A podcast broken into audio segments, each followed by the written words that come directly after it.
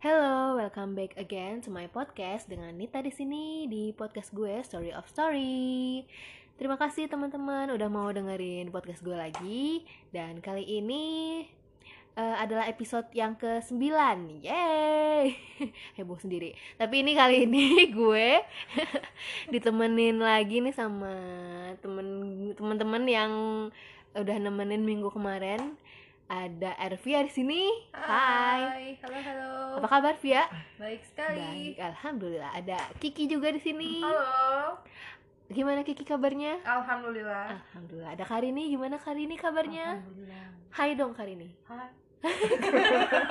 Pelan banget ya suaranya. ya. Dan ada Andang di sini. Hai, Hai, apa kabar Andang? alhamdulillah baik. Oke. Alhamdulillah eh, hari ini semua baik-baik saja. Dan karena kita semua alhamdulillah sedang baik-baik saja, jadi kita mau membahas sesuatu yang agak beda nih.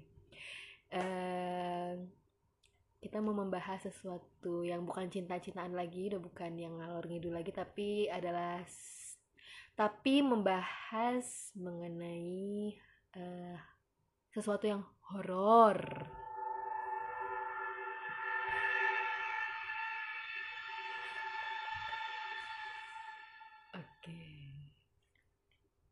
Dengan background yang cukup mencengangkan, apakah teman-teman punya cerita horor masing-masing?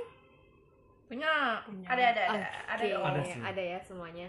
Em, kita langsung aja kali ya. Mungkin dimulai dari gue dulu nih. Ini sih cerita hmm, gue pribadi nih ya, yang bener-bener kayak eh, waktu itu rasanya nyata banget. Sebenarnya gue agak-agak percaya nggak percaya nih sama hal yang kalau ada orang yang bilang bisa melihat kayak gitu karena gue alhamdulillah sampai detik ini nggak pernah dan amit-amit jangan sampai gue diliatin gitu ya tapi gue pernah sekali mengalami sesuatu yang menurut gue agak-agak aneh gitu kayak eh, pernah ada yang ketindihan gak sih Sering. Kayak Pernah gitu sering. sekali. Ketindihan tuh kayak apa sih? kayak Kayak, kayak gitu loh kayak kayak denger denger cerita doang tapi gue nggak tahu itu aku ketindihan atau gimana sih nggak kayak nggak bisa gerak sama sekali Iya, tidur. lu lagi tidur terus mau ngebuka mata tapi nggak bisa. Iya Nah, kayak jadi tuh gue lagi tidur. Mm. gue biasanya tidur di rumah nih eh, sama nyokap sama adek gue gitu. Tidur bertigaan. Nah gue tidur selalu di paling pojok deket tembok. Dan itu adalah posisi yang maksudnya jauh dari jendela lah gitu Eh, eh, tiba-tiba lagi tidur tuh tengah malam gue kebangun tuh. Kan gue udah punya kan udah punya handphone ya jadi bi- bisa ngeliat jam kan. Oh jam berapa nih gue kebangun waktu itu jam 11 setengah 12 malam lah. Gue kebangun terus ini gue ceritain gak ya? Kok gue jadi agak-agak takut ya? Tenang, tenang, tenang. Eh, jadi tuh waktu itu. Pas kebangun tuh gue langsung ngedenger suara yang kayak Mbak Kun. Oh. Heeh. oh yes. Oh Mbak Kun mau gue tiruin nggak? Nggak usah nggak usah. Jangan jangan ya. Pokoknya tuh suaranya enggak enggak kayak gitu. Pokoknya suaranya jauh kedengarannya jauh banget. Jauh berarti deket banget. Nah kalau kata orang kan gitu ya. Hmm. terus suaranya tuh mendayu-dayu banget. Nggak kayak yang eh ketawa kayak ketawa gitu Hmm. kayak yang biasa di TV-TV enggak tapi kayak mendayu-dayu gitu loh. Pokoknya ya kalian bisa nggak tahu dia bisa bayangkan atau enggak pokoknya itu gue nggak denger tuh kayak ya allah dalam dalam hati gue langsung astagfirullah astagfirullah Hmm. gitu kan. Terus astagfirullah astagfirullah astagfirullah terus nggak lama dari itu kok badan gue kayak nggak bisa gerak gitu. Gue tuh udah ngadep eh, gue udah nggak ngadep ke tembok tuh gue ngadepnya ke kanan ngadep ke adek gue tapi badan gue nggak bisa gerak gitu kan terus gue dalam hati pokoknya udah gue eh, astagfirullah aja kan tuh. Terus gue baca ayat kursi dalam hati kan.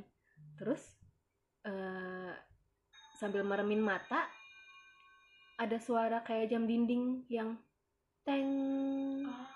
Tapi sebenarnya di rumah itu nggak ada. Oh my god. Itu maksudnya tuh kayak di dalam kuping gue gitu loh Oh. suaranya kayak kok kayak gitu ya ini kenapa udah badan gue nggak bisa gerak terus ada suara kayak gitu udah pokoknya gue cuman baca-baca ayat aja tuh akhirnya nggak lama akhirnya gue bisa gerak terus dan nggak lama setelah itu gue bisa tidur sih tapi itu aja ngerasanya kok itu ada suara kayak gitu Pas- terus tiba-tiba ada suara Kelas berapa tuh? SMA lah Udah Nggak mens dong. tahu Lagi mens Udah. nggak itu? nggak tahu deh lupa emang Ngaruh ya? Oh, oh God. pengaruh tau. Oh my god. Tapi kan enggak maksudnya itu selama gue bertahun-tahun di situ ya dari kelas 3 SM eh, SD itu tuh sampai SMA ya pokoknya selama di situ lah nggak pernah ngerasain yang, hal-hal yang horor-horor gitu. Tapi emang kalau ada temen yang main ke rumah kalau ada temen yang main ke rumah tuh pasti mereka melihat rumah gue tuh horor gitu. Ih, sama. agak beda Aku aja kali ya suasananya ya kayaknya ya. Kalau Iya. orang lihat gitu tapi kan mungkin karena gue udah kebiasa kali ya jadi orang eh jadi gue nggak nggak nggak yang takut gitu atau gimana karena ya udah orang rumah sendiri. Ya udah sih gitu aja sih cerita gue dan gue nggak pernah ceritain itu ke nyokap atau ke pokoknya kalau keluarga gue nggak pernah gue ceritain sih.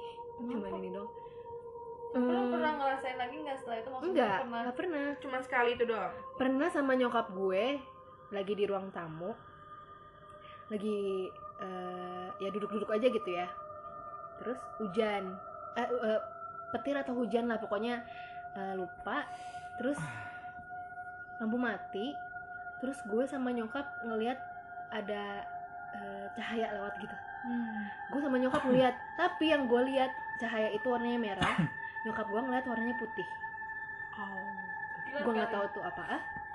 Tapi lewat di dalam rumah gitu loh kayak di kayak lu lihat dari sini ke situ gitu Oh. Sekelebat gitu. iya gue nggak tahu sih itu ya mungkin kilat ya tapi ya Iya. untung gue dan nyokap gue orang yang positive thinking dan ya karena rumah sendiri jadi balik lagi nggak mikir aneh-aneh ya udahlah gitu Hmm.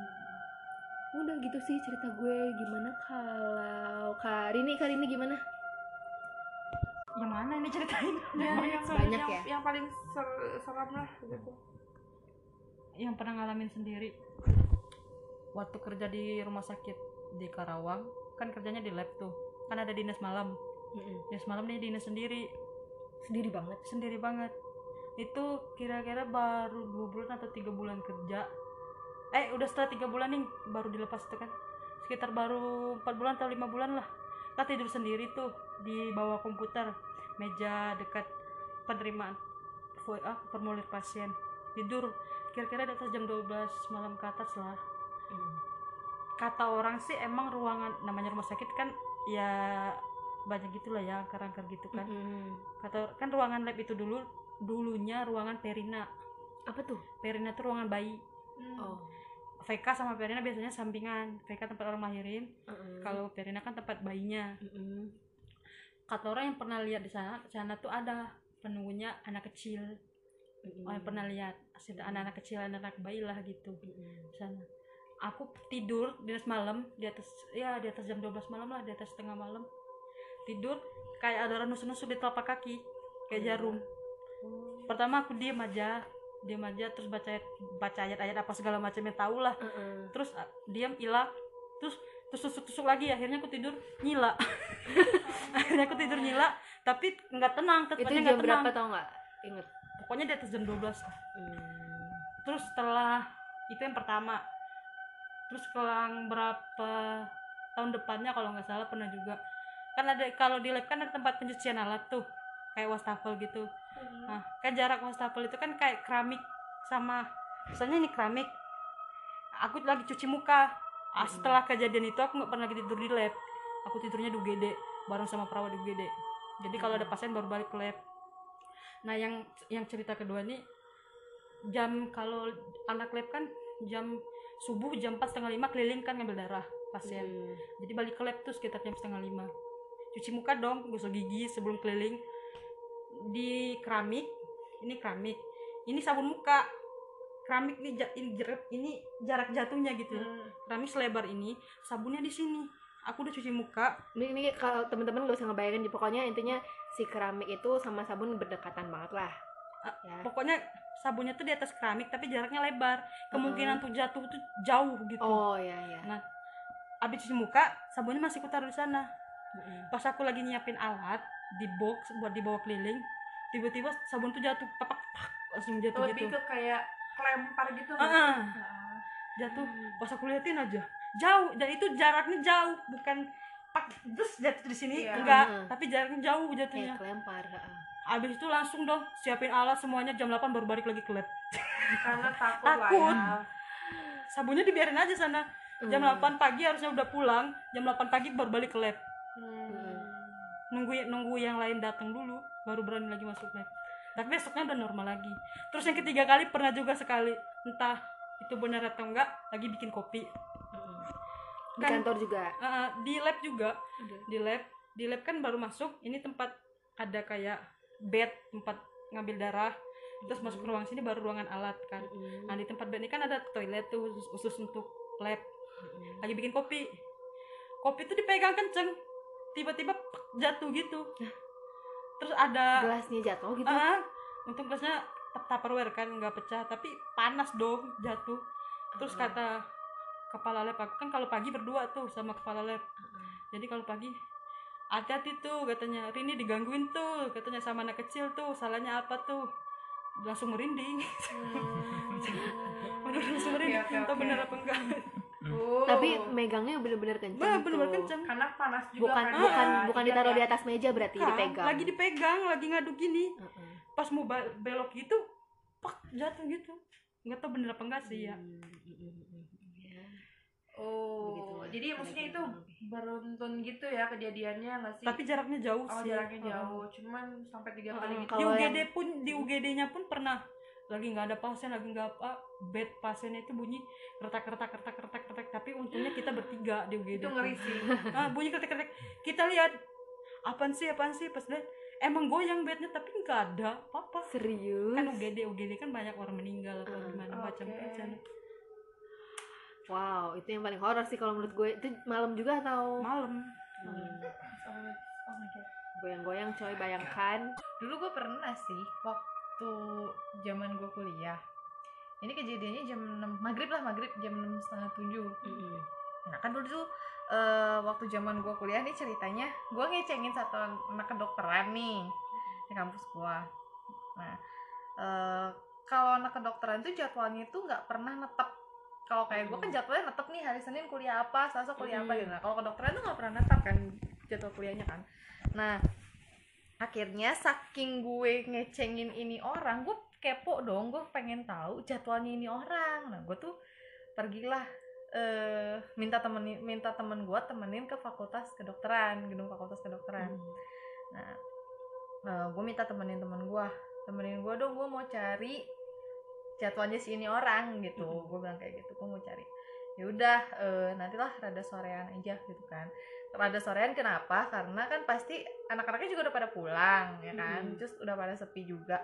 Terus anak FK itu nggak pernah kuliah di gedungnya sampai di atas lebih dari jam 5 itu nggak pernah. Hmm. kalaupun misalnya lebih dari jam 5 pasti pindah ke gedung yang baru yang gedung GWM itu gedung kuliah bersama.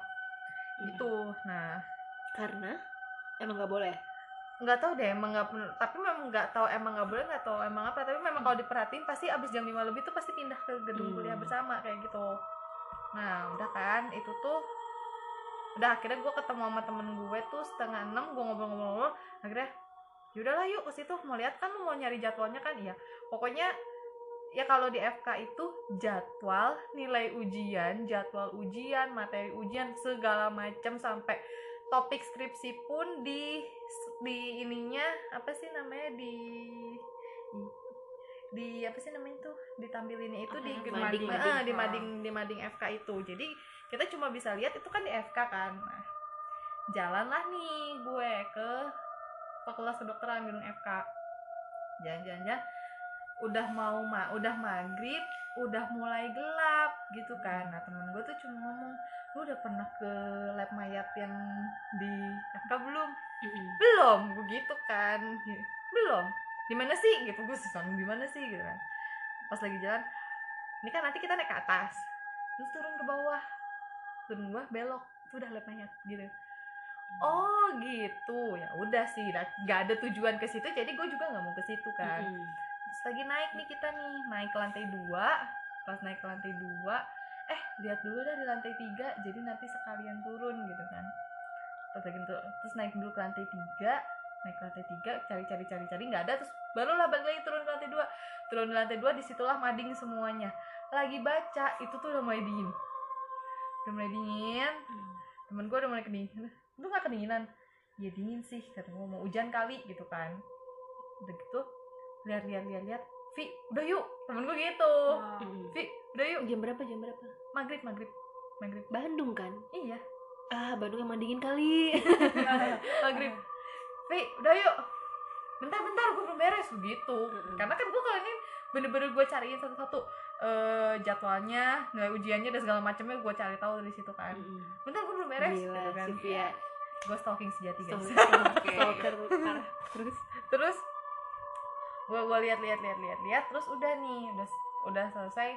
Yuk Ahmed gituin kan gue sama temen gue pas lagi gue jalan mau balik tiba-tiba ada keceplak keceplak keceplak keceplak Oke. gitu. Orang jalan nah, gitu ada orang jalan keceplak keceplak keceplak keceplak. Siapa yang jalan gitu kan. Ya udahlah sambil jalan sambil jalan sambil jalan. Kok eh ini siapa yang jalan sih? Kagak ada orangnya. Nah si FK ini posisinya itu nembus ke gedung fakultas teknik Mm-mm. kita tuh jalan ke arah gedung fakultas teknik nih. Terus lagi jalan lagi jalan lagi jalan. Udah kedengeran keceplak keceplak itu. Terus gitu kita masih kayak ngobrol-ngobrol aja. Tapi kayak gue mikir ini kok masih keceplak ya? Ini kok masih keceplak ya? Gitu loh. Suara tapak kaki gitu kan. Emang gak ada orang juga di sekitar Mm-mm, situ. emang gak ada orang. Jalan-jalan jalan-jalan eh taunya ketemu pas lagi gue mau naik tangga mau naik kalau mau pulang itu harus ada naik tangga dulu kan ke fakultas teknik. Pas gue mau naik tangga ternyata di tangga itu gue ketemu nih sama satu senior orang di kafe gitu. Mm. oh eh kok? Gitu kan gitu kan. Gue gue eh kok? Ya habis ngapain? Mau ke situ kok gitu. Misalnya kita mau pulang mau ke situ gitu. Mm-mm. oh ya udah. Yaudah ya bye bye gitu kan. Nah udah gitu si orang ini tuh pergi si orang ini pergi gue tuh dari in- eh, dari itu rada naik sedikit belok gitu kan rada belok gitu. Terus udah gitu oh gue pikir tadi siapa? Gitu gue Oke. pikir tadi kenapa gitu kan. Kenapa emang? Iya gue denger suara tapak kaki oh berarti si koko itu kali ya gitu kan. Oh si koko itu kali ya. Iya sih gue mikirnya gitu. Oh Iya, iya. tapaknya juga dengar Heeh, si Oke. temen gue juga dengar oh iya, gitu juga sih. Ya udah nah ini yang bikin ininya udah si koko itu pergi kita tuh sempet balik lagi si kokonya udah gak ada suara tapak kakinya masih ada Mm. oh my god suara tapak kakinya masih ada lu denger gak denger lu denger Eh, denger pas lu mendekat posisinya sama si Koko itu suaranya kayak gitu nggak? Iya. Ceplak-ceplak gitu? iya ceplak ceplak Oh. gitu nah si kokonya udah gak ada nih Heeh. Terus suara masih ada Teplak, teplak, teplak Anjir, gak ada siapa-siapa Sampai kan kita udah udah lihat ke lantai 3, ke lantai 2 Emang Hmm. bener-bener udah kosong, gak ada siapa-siapa Orang di fakultas teknik aja udah kosong, udah gelap. Anjir, siapa? Udah, pulang net, pulang net, pulang, pulang, pulang Selesai, dari, dari situ gue udah gak pernah mikirin lagi sih Itu Heeh. bener apa enggak atau bagaimana Hmm. Apa mungkin karena Oh ngomongin fakultas kedokteran adalah mayatnya mungkin Hmm. gitu mungkin ya Hmm. mungkin ya Hmm. gitu kalau si temen gue sih bilangnya karena ya pernah ngerasa pernah apa ya udah sih gue juga nggak terlalu banyak mikirin Jadi, itu ngeri banget sih ya kalau kita di posisi Iya, itu apalagi ini habis maghrib juga gitu Iya. oh my god di, di kampus makanya lagi maghrib ngandang oh iya iya iya kata orang tuh kalau habis lagi. maghrib jangan di luar Kalau Kiki gimana Ki? Ada cerita horor nggak Kiki? Duh, kalau misalkan dibilang horor gitu ya. Sebenarnya banyak sih bisa di ada part 2 3 4 mungkin ya. Saking banyaknya. Karena percaya kan eh, sebenarnya percaya nggak percaya ya. Apalagi dengan pemikiran kita yang maksudnya udah di kota lah ya, bukan di kampung Mm-mm. lagi. Eh, kalian pasti pernah tahu lah ya, kayak indra keenam segala macam gitu. Mm-mm. Nah, kebetulan itu gue nggak tahu ya itu dianugerahi gue dianugerahi atau tidak Mm-mm. tapi memang maksudnya eh, ada turunan gitu loh Mm. kayak mm, kakeknya mama itu berarti apa ya kakeknya mama. kakeknya mama tuh gue manggilnya uyut lu uyut, Uyut lah ya heeh. Mm-mm. uyut itu ceritanya sih bisa lihat gitu Mm-mm. cuman ternyata eh, mungkin menurunnya ke mama sama ke gua Mm-mm. tapi gue bukan yang tipe yang kayak bener-bener bisa lihat gitu loh gitu jadi Ngerasa doang kali. ngerasa kalau ngerasa ngerasa ngerasa sih mungkin gue belum nggak peka juga sih pada saat itu. Cuman waktu SMP eh, ini ceritanya dari yang kakak gue dulu ya. Karena ini kejadian tuh habis dari kakak gue dulu- kakak kandung gue ini. Jadi waktu itu masih di rumah yang lama ada jadi eh, gue tidur sama nyokap gue di kamar gue yang bawah. Terus kakak gue di atas terus eh, bokap gue memang selalu tidur di ruang keluarga jadi sambil nonton TV gitu. Hmm. nah ceritanya gue diceritain sama mama sama kakak gue itu jadi tengah malam kakak gue tidur sendiri nah posisinya kan dia di lantai dua nih Mm. tidurnya nah eh, sebelum ke situ jadi sebelah sebelah rumah gue itu adalah rumah kosong Hmm. itu bener-bener kosong bang udah lama banget gitu nggak diisi nggak keurus jadi banyak banyak juga sih eh, yang cerita kalau di situ tuh banyak ini banyak itu Hmm. nah akhirnya eh, di, di kamar si Rateh ini kamar kakak gue ini dia lagi tidur ceritanya lagi tidur nah tengah malam eh, di samping tempat tidur kan meja belajar kan Hmm. Nah, meja belajar itu posisi kursinya itu tau gak sih yang eh, meja belajar kursinya tuh masuk. Jadi Hmm. nggak nggak nggak keluar gitu loh. Hmm. Nah, ya ibaratnya nggak ada yang duduk lah di situ nggak bisa ada yang duduk di situ. Tapi dia tuh lagi tidur sayup-sayup kayak ada, maksudnya dengar-dengar kayak ada yang buka buku gitu loh. Bener-bener bukunya tuh ya kayak dibuka aja gitu yang serak Hmm. serak gitu kan. Terus kayak, aduh ini siapa nih gitu kan malam-malam em, pada saat itu kakak gue mikir kalau itu nyokap atau bokap bokapnya dia yang apa ya kayak eh ngecekin buku-buku sekolahnya dia Hmm. Nah, cuman kok ini aneh banget ya kayak cepat banget gitu. Bukanya cepat banget kayak sak sak sak sak gitu. Nah habis itu eh, makin takut nih kakak gua Mm-mm. karena dia ngintip gitu kan. Ngintip gitu ngebuka mata dikit dan ternyata nggak ada siapa-siapa. Terus bukunya dia ngeliat nggak?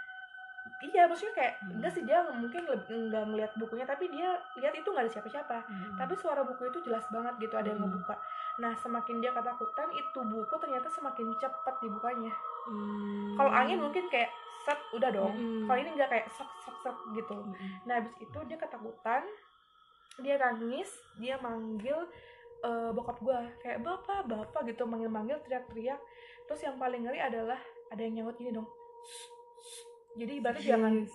eh, gue merinding loh ceritanya karena itu bener-bener apa ya kejadian yang sangat-sangat parah di keluarga gua gitu sampai Mm. kayak sampai kayak bikin teteh tuh trauma gitu loh Hmm. terus dia sampai kayak em, lu nangis kan jadi bener-bener ada yang gitu Hmm. kayak udah lu jangan nangis itu lu jangan Hmm. teriak-teriak gitu kan cuman makanya di situ eh, sampai bokap nyokap tuh sampai kebangun karena kenceng banget kan Mm-mm. teriaknya langsung ke atas terus bilang kenapa kenapa gitu dan itu udah nggak ada sih suara itu gitu kan Hmm. eh cerita kakak gue tuh sampai situ doang terus sampai besoknya kayak aduh ngeri banget dari situ langsung mama langsung ke atas nyokap gue langsung ke atas tuh langsung kayak karena dia kan pemberani gitu ya terus kayak ngomel-ngomel sendiri gitu kayak ngomel-ngomel kayak lu apaan sih gitu? lu ngapain gangguin kita kan udah beda Oh. alam gitu gitu Hmm. kan namanya juga dia kan udah biasa dengan kayak Mm-mm. gitu nah udah sama situ akhirnya banyak banget kan kejadian di rumah itu. Makanya kita pindah lah rumah karena udah nggak beres nih. Soalnya udah sampai ada gue tuh sampai digangguin juga. Sampai bapak gue juga ada yang apa ya ada yang menyerupai.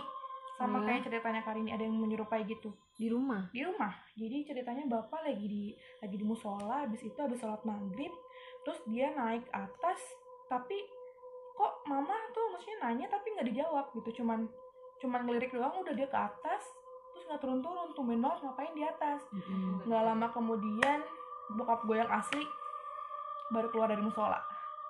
Hmm. itu nah akhir akhirnya singkat cerita gue pindah rumah. Nah ini yang bener-bener gue alamin sendiri. Abis itu jadi ceritanya waktu itu rumah Kiki itu em, dekatan sama saudara. Hmm. jadi ada satu dua tiga empat. Nah rumah Kiki yang empat dulu- rumah saudara semua. Mm-mm, saudara Mm-mm. semua anak berhubung Kiki udah pindah dari rumah yang ini jadi Hmm. Kiki mainnya ke rumah saudara nih nah rumah Kiki ini waktu itu yang beli belum nempatin jadi masih kosong Mm-mm. Nah gitu. Jadi di eh, di rumah Itu saudara. maksudnya yang kosong rumah Kiki yang lama. Mm-mm. Mm-mm. Eh, jadi udah dibeli tapi yang yang beli itu belum, Belum nempatin nih. nempatin. Jadi masih kosong nih rumah Mm-mm. Kiki yang lama. Nah habis itu eh, di belakang itu kan ada kayak semacam apa ya? Semacam kayak gudang. Mm-mm. gudang itu tapi gudangnya itu jadi setengahnya tuh tembok tapi setengahnya lagi tuh kaca setengah Jadi, gimana? gimana ya jadi kayak oh bangunan- maksudnya eh, bagian depannya bagian luarnya? Bela- eh, mm, bagian Oh, luarnya. eh, eh. jadi memang di apa ya didesain untuk bisa orang tuh lihat ke dalam Ke bisa dalam, dari eh, dalam keluar juga eh, bisa mm-mm. karena kan itu cuma kayak gudang doang gitu. Semuanya Mm-mm. bisa juga buat sebelum itu tempat nongkrong gitu di belakang. Nah habis itu aduh ngeri deh ini pertama kalinya gue lihat dengan mata kiki sendiri soalnya. Jadi pas lagi ngobrol-ngobrol biasa gini memang kenapa ya kayak ada yang menarik Kiki untuk lihat ke arah rumah Kiki yang lama aja gitu. Perasaan. sedekat apa rumahnya? Sebelah sebelahan ya? Iya jadi bener-bener kayak rumahnya tuh kan berempat nih. Jadi rumah Hmm. satu dua tiga empat. Mm-mm. rumah empat ini rumah Kiki. Jadi paling Hmm. depan lah paling depan Hmm. jalan. Nah rumah saudara Kiki ini yang paling belakang. Jadi mungkin kalau misalkan dari dimeterin gitu sekitar ya mungkin ada dekat lah 50 meter kali Hmm. dekat kan berarti. Nah Kiki lagi ngobrol-ngobrol-ngobrol gini terus kayak ngerasa ada pengen aja gitu ngeliat ke arah sana pas lihat oh my god itu bener-bener kepala. Bener-bener kepala guys. Di dalam gudang itu? Iya di dalam rumahnya. Hmm. karena kan maksudnya Hmm. gue nggak tahu itu itu posisinya dia lagi berdiri kah atau apa karena kan yang kelihatan cuma segini. Karena itu di sininya tembok Mm-mm. segini ke atas kan kaca oh iya. Maksudnya kacanya kaca yang bening ya bukan cermin Mm-mm. gitu. Di situ kayak langsung nggak bisa ngomong gitu kayak itu apa ya yang gue lihat? Tapi itu bener-bener lama. Jadi nggak yang lihat nggak cuma sekilas. Jadi lama bener-bener sempat sempat kayak lihat-lihatan gitu.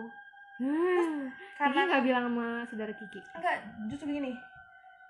Kan Kiki manggilnya Nini gitu ya kalau di Sunda gitu. Terus Kiki bilang Ni itu apa? Cuman gitu doang. Di situ udah langsung lemes lah ya gila gimana kita lihat kepala di situ sedangkan itu gue liatnya kepala cewek ya kayak cewek gitu. Hmm. kayak ada rambutnya gitu cuman kayak ngalangin ngalangin muka gitu. Aduh dibayangin nih. Iya karena gimana ya itulah semakin sini sih enggak sih nggak ngeliat. Nah yang sering ingat itu setelah pindah ke Jakarta justru. Oh ya sa makin lihat-lihat makin banyak yang lihat maksudnya sering banget lah lihat yang gitu-gitu. Makanya Kiki minta Merinding. untuk Kiki. tutup. Ditutup Bisa. ya. Ya. Maksudnya percaya nggak per- maksudnya dia juga pengen percaya aja gitu. Pengen ditutup minta ditutup. Akhirnya waktu pulang ke Garut itu itu juga sebenarnya nggak mau ditutup sih. Kayak karena kan cuman sekali dua kali doang. Nggak sering Hmm. banget. Cuman itu kemarin itu nggak kuat karena di rumah nenek Kiki lihat ada sosok hitam gede bener-bener seatap. Hmm. liriknya gua lagi sih Kiki? Bener-bener nih temen aku juga pernah kayak gitu. Ya kan? Nah karena itu akhirnya? akhirnya Kiki memutus untuk mah please mah pengen banget ditutup. Karena takutnya memang makin sini makin bisa Mengganggu. ngeliat nih. Mm-mm. karena makin karena intensitas Kiki bisa lihat itu makin makin sering setelah di Jakarta. Gitu. Makanya saat itu saat malam itu juga malah jam 10 atau setengah 11 langsung didoain gitu sama orang ya kayak yang bisa lah langsung bisa ditutup gitu. Cuman kalau misalkan dari situ bohong lah kalau misalkan bisa langsung bener-bener nggak lihat.